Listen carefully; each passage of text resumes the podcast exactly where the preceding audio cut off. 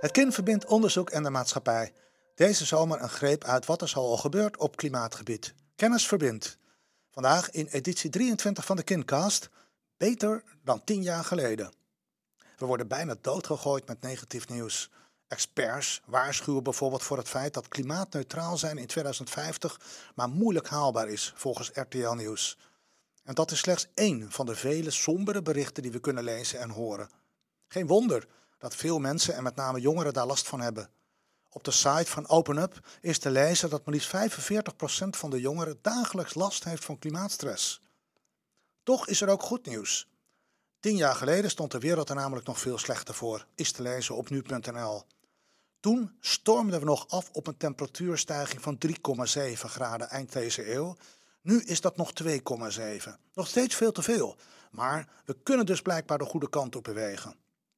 Ook onderzoekers van de universiteiten van IJsland en Queens zijn voorzichtig positief.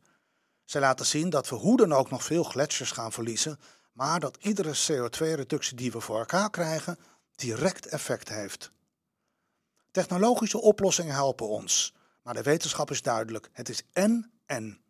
We hebben de technologie nodig, maar zullen ook moeten leren met minder om te gaan, minder spullen kopen, minder reizen, minder vlees eten. Gelukkig verschijnen er steeds meer websites en blogs die je helpen bij een duurzamer en toch ook nog leuk leven, zoals bijvoorbeeld hetkanwel.nl en vanafhier.nl.